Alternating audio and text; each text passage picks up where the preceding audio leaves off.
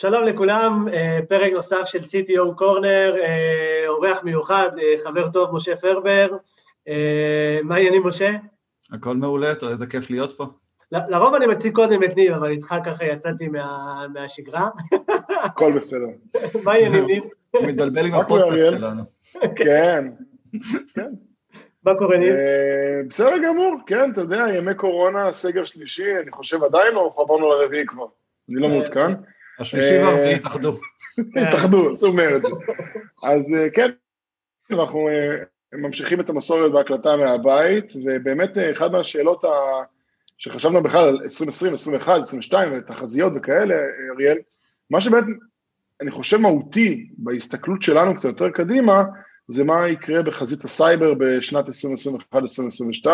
אנחנו לא נחפור, כמו שאמרנו, על מה קרה ב-2020, נראה לי כולם יודעים, זה נקראת קורונה, אבל אני חושב שהיא כן אולי חיזקה ובאמת היוותה סוג של אה, צומת דרכים לאיך הסייבר ייראה בשנים הקרובות. וכשחשבנו אני ואתה הסייבר, אמרנו, טוב, משה פרבר, מה זאת אומרת? אז אה, משה, אנחנו מאוד נשמח באמת לשאול אותך, קודם כל שתכיר את אה, מה שנקרא, נדע מי אתה, כי לא, לא, לא יודע אם כל הצופים מכירים, אני מקווה שכן, והיינו שמחים קצת לשאול אותך שאלות, מה אתה אומר? בשמחה, יאללה. קודם כל שמח להיות פה, זה תמיד כיף אה, להתארח אצלכם. אה, ובטח לדבר על מה שהולך להיות קדימה, אה, קצת תחזיות, זה בערך הנושאים הכי מעניינים שיש. אה, מי שלא מכיר אותי, אני בעולם אבטחת המידע מזה כ-20 שנה, עשר שנים הראשונות עברתי בכל האנטרפרייזים, ואז אחרי עשר שנים עשיתי שינוי כיוון, עברתי לעולם הסטארט-אפים. זה היה Give or Take 2010, ושם מה קרה ב-2010, בערך נכנסנו לעולם של מחשוב ענן. אה, ופתאום כל העולם הזה של הסטארט-אפים מאוד מאוד השתנה, אה, במקום לפתח ב, על, ה, על המחשב של סבתא שלי והארון מתחת לכיור במטבח, אבל פתאום היה לנו תשתית נורמלית, חזקה, רזיליאנט, שיכולתי באמת לבנות פריטיר אמיתי, ויכולתי אה, לבוא ללקוחות שלי ולהציג אפליקציה שיכולה לעמוד בפני דידוסים וכל הדברים האלה. והייתי נורא מאוכזב מהכתף הקרה שקיבלתי, בטח ב-2010, 2011, 2012, מהאנטרפרייזים השונים, כלומר שבמקום להעריך את מה שיצא, פתאום הייתי מקבל אה, כתף קרה, ומשפטים כמו במחשוב עדיין אנחנו לא מתקרבים. אה, וזה מאוד הטריד אותי הדיסוננס הזה, ומה שאני עושה, give or take, מאז אותם שנים, זה משקיע המון בנושא של Cloud Research, אה, הרצאות, אה, מחקרים, להשאיר ידע, ובגלל זה אני גם פה.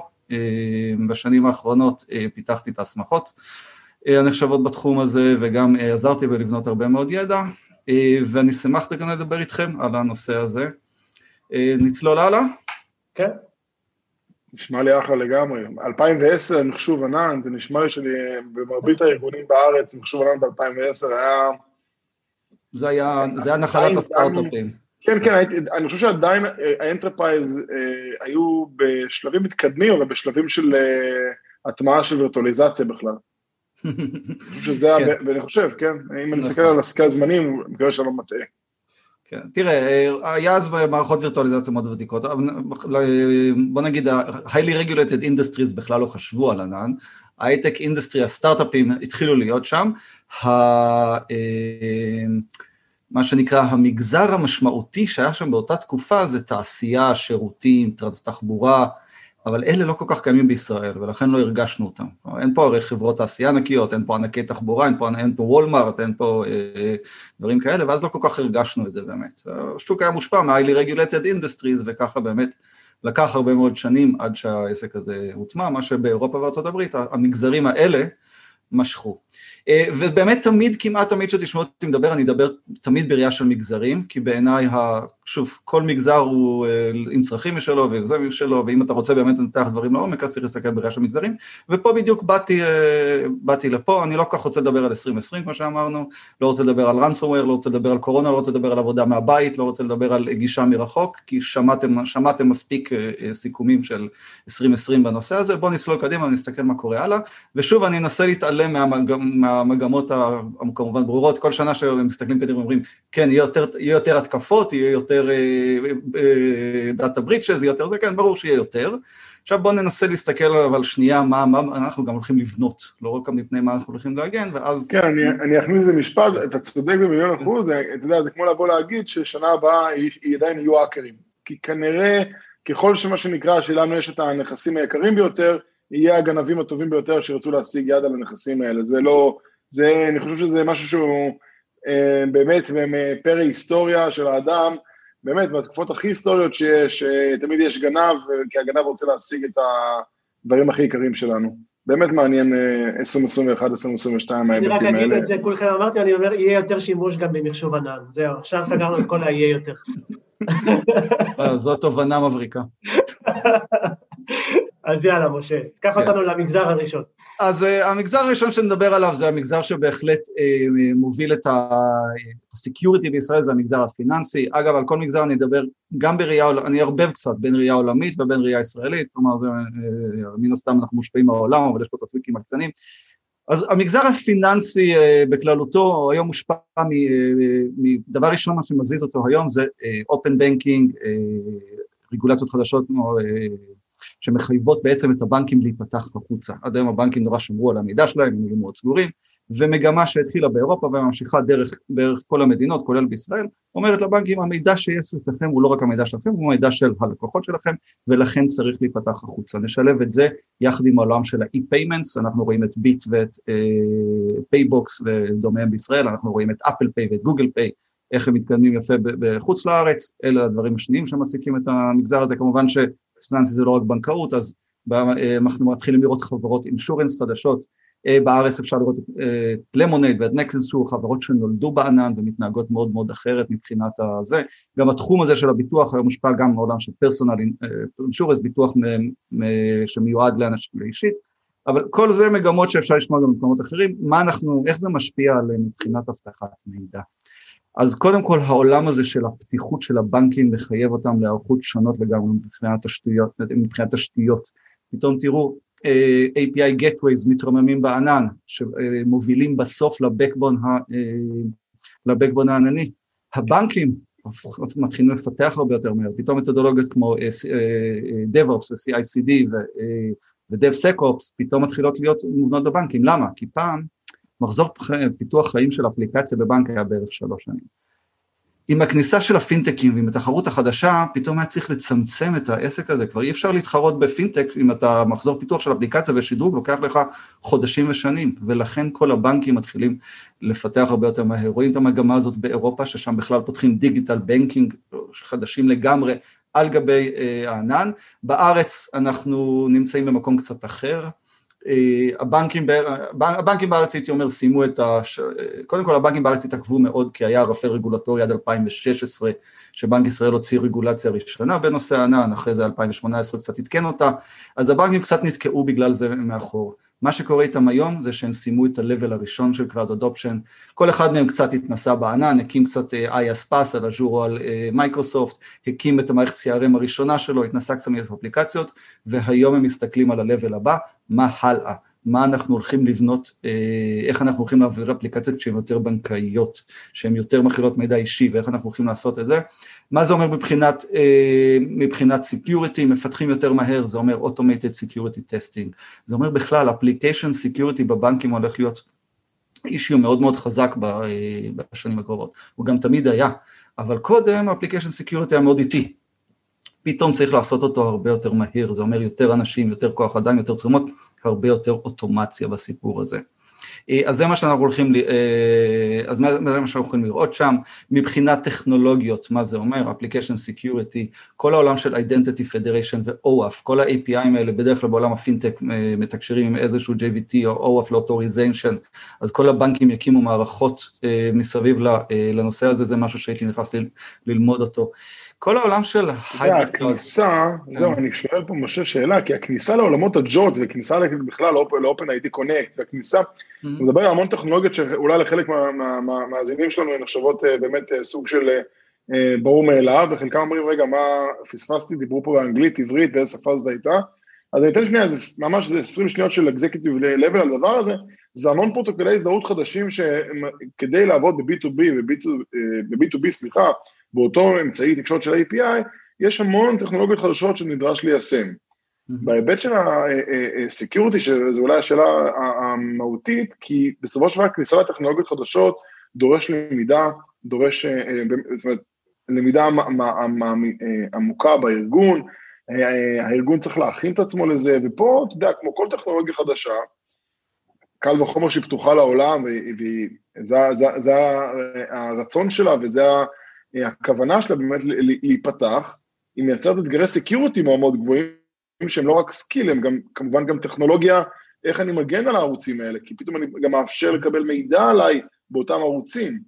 זה, זה לא עוד אפליקציה קטנה לניהול הרשאות בתוך הארגון, בוא נראה איך אנחנו עושים את זה.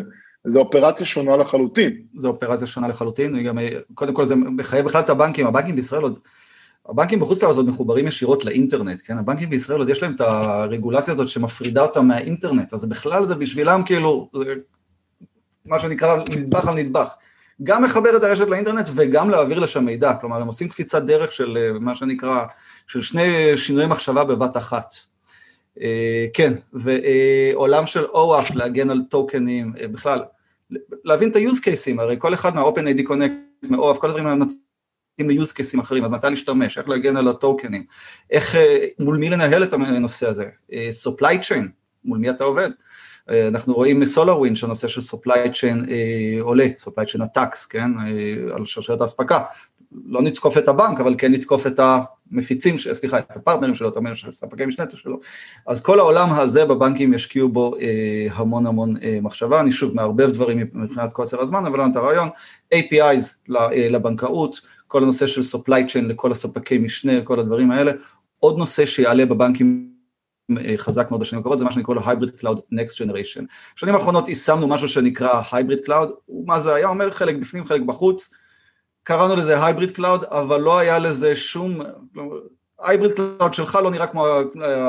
hybrid cloud במושגים, אני עובד גם public cloud וגם on-premise, אה, אז אני hybrid cloud. זה בערך הייתה התשובה של אנשים, מה זה hybrid cloud? אה, יש לי גם public cloud וגם יש לי on-prem, אז אני hybrid cloud, אוקיי. בדיוק. אז עד היום עשינו abuse קצת למושג הזה. אמ, בשנה, שנתיים האחרונות התחלנו להיחשף לתצורות החדשות של איך ייראה hybrid cloud חדש. אה, יש לכם אה, פרק על זה קצת שדיברתם על זה עם הפרק של ה private, אז הזכרתם את ה Azure Stack אה, ואת ה Outpost.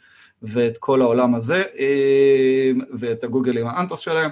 אז אני, הבנקים, אני חושב, אה, הראשונים, לא, אתה יודע, לא נזהר במילה ראשונים, אבל בוא נגיד, הבנקים יהיו מה-early מה adapters של הטכנולוגיות האלה. למה? כי ה-on premise שלהם מאוד מאוד חזק, והם ירצו מאוד לשלב, יש להם כבר הרבה, אז, אז אנחנו נראה את ההתפתחות של מה שנקרא hybrid cloud next generation גם במגזר הזה.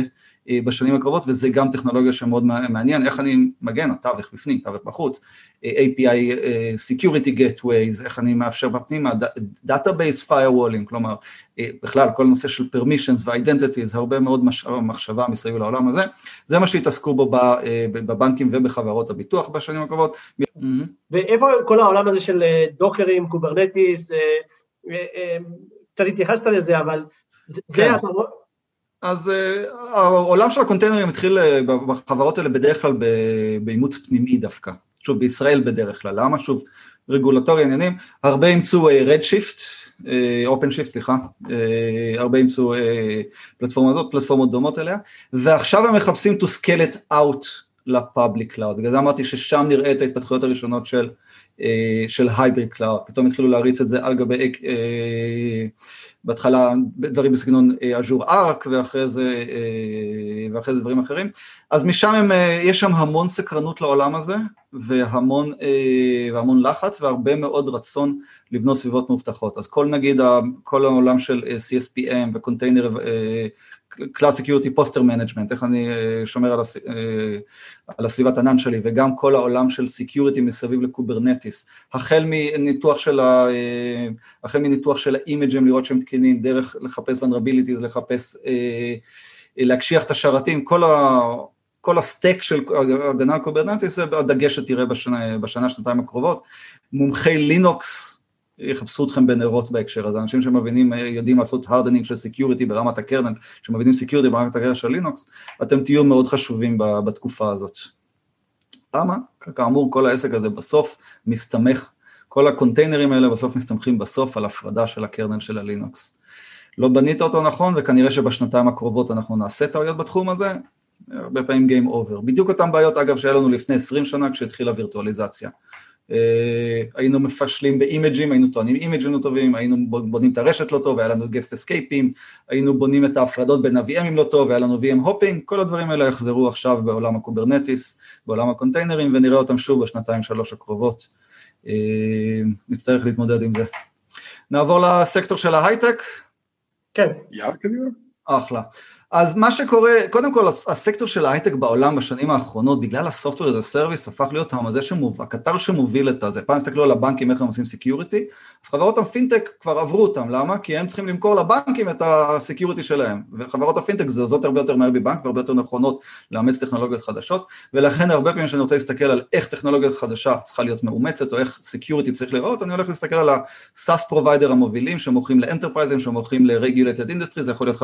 זה זה להיות חברות ה digital health.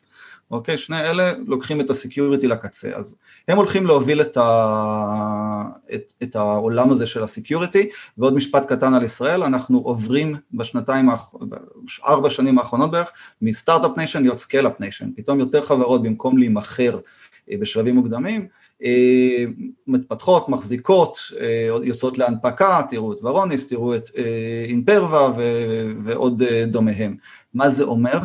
יש יותר דרישה ל CISOאים עם ראייה גלובלית, מנהלים ותיקים שיודעים להוביל את הארגון אה, להנפקה, שיודעים להוביל ארגון חברה ציבורית גדולה.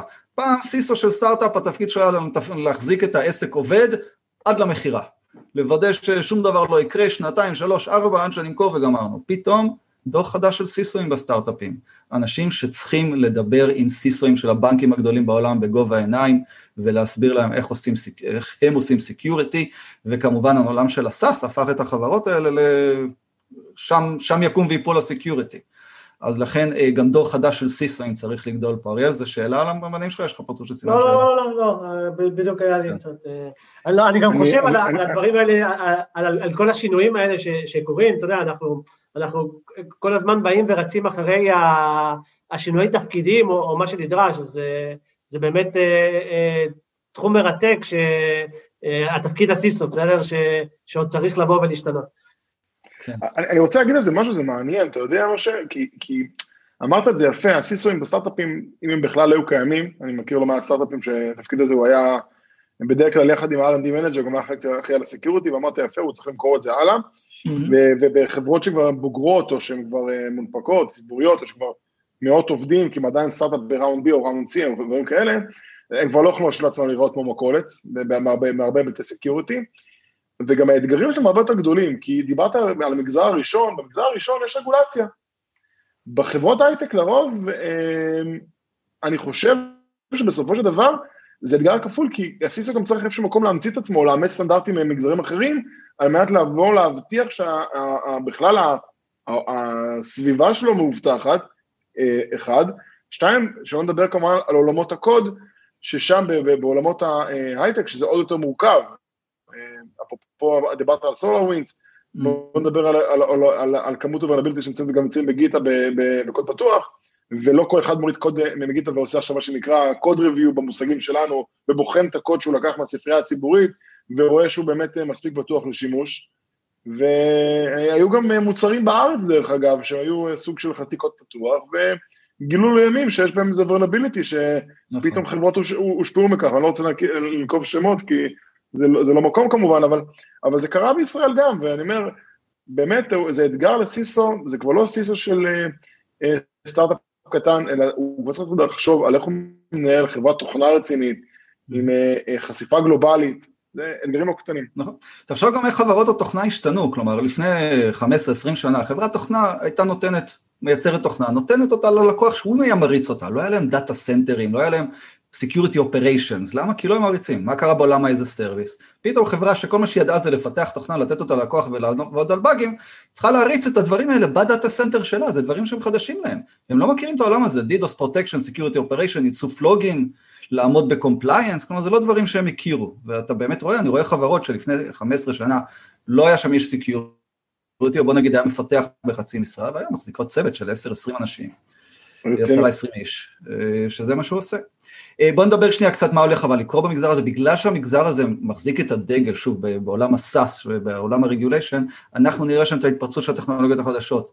אה, confidential computing, מה שאמזון, אה, גוגל ומייקרוסופט עושים היום עם הצ'יפים החדשים, ה Nitro chips או דומיהם, על השרתים החדשים, שמאפשרים לנו להצפין מידע בזיכרון, דברים שלא היה לנו עד היום. היינו יכולים נכון. להצפין מידע במנוחה או בתנועה, פתאום אני יכול להצפין אותו בזמן שימוש. אני יכול לוודא שהאפליקציה שלי רצה רק בסביבה הזאת. אם מישהו עכשיו לוקח את הקוד שלה, או את הדאטה ולוקח אותו למקום אחר, אני יכול לוודא שזה לא יצליח לרוץ שם, למה? כי כל העסק הזה מוצפן עם מפתח שנמצא בחומרה. אז כל העולמות האלה יפתחו דברים חדשים, גם סטארט-אפים חדשים שיביאו דברים חדשים וגם טכנו... אה, בכלל מתודולוגיות חדשות לאיך אנחנו מבטיחים מידע, גם בזמן ריצה, גם בזמן שעול המחשבים. homomorphic encryption התפתח, הנושא של החזקת מפתחות התפתחו, והחברות התוכנה, הסאסיות האלה יהיו הראשונות שיאמצו את הדברים האלה. אה, כמובן, אה, לעבוד, לעמוד ברגולציה מ multiple sources, זה משהו שהחברות יצטרכו לעשות, מה שזה אומר שהם יצטרכו להגדיל את מאמצי ה compliance שלהם, עם כל המשמעויות של זה, הם יצטרכו להגדיל את השקיפות שלהם את הת... ואת ה assurance שלהם. אה, הסתכלתי על, אה, הסתכלתי עכשיו על, על רגולציית הסייבר החדשה של האיחוד, אז הם מגדירים assurance level, רגולציית ה cloud החדשה שלהם, מגדירים ממש assurance level, זאת אומרת אני יכול ממש לקחת את הסטארט-אפ שלי ובתור יתרון שיווקי לשים אותו ב assurance level הכי גבוה שיש, יש להם הגדרות ל assurance level הזה. תחשוב איזה, איזה פתאום security הופך להיות מ... לפני חמש שנים דיברנו על security כמעכב, כמשהו שעוצר את ה business, פתאום זה ה marketing differentiator שלי, אני מבדיל את עצמי מאחרים על ידי זה שאני highest assurance level, אז הרבה השקעה תהיה בתחום הזה וצריך להבין איך העולם הולך להתנהג בתחום הזה, שוב נחזור חזרה, supply chain attacks, ברגע שאתה SaaS, אתה supply chain, אז ילכו לשבת לך על רחל בתך קטנה על כל פיפס קטן. ה CISO ים יצטרכו להיות מאוד מאוד מדויקים ב implement, באיך שהם מיישמים את ה security שלהם, הם יצטרכו להיות מאוד מאוד שקופים, כי יבחנו אותם על כל שטות ועל כל דבר. מעניין. אני אומר לך, תראה, א', אני חושב שזה מאוד מעניין, ואנחנו, אני רוצה לשמור לעצמי את הזכות אה, להמשיך אותך עם פרק ב', mm-hmm. כי אנחנו מנסים לשמור על פורמט התוכנית, אבל אני רוצה לשאול אותך שאלה לפני שאנחנו, מה שנקרא, אה, אה, נגיד תודה ונמשיך לפרק הבא ביחד. אמ, יש נושא אחד שאני כבר עוקב עליו ברמה האישית מ-2004 שנקרא post quantum cryptographic. אני חושב שהכינוס הראשון היה ב-2004, אם אני לא טועה, אה, אה, של PQCrypto, או 2014, אני אולי מתבלבל, לדעתי זה היה 2004, וזה משהו שכבר קורה. דה פקטו אתה יכול לקנות את המחשוב קוונטי גם באמזון, בגוגל היום, במייקרוסופט. אני, אתה, אתה מעריך שזה אתגר שארגונים יצטרכו להתמודד איתו מבחינת קריפטוגרפיה. כלומר, אני מסביר את זה לאקזיקיוטיב לבל שמקשיבים לנו, האם, האם באמת השימוש במחשוב קוונטי יהפוך את הנושא של הצפנה ארגונית לבעיה, וארגונים יצטרכו להתמודד עם הבעיה הזאת בשנתיים הקרובות לדעתך?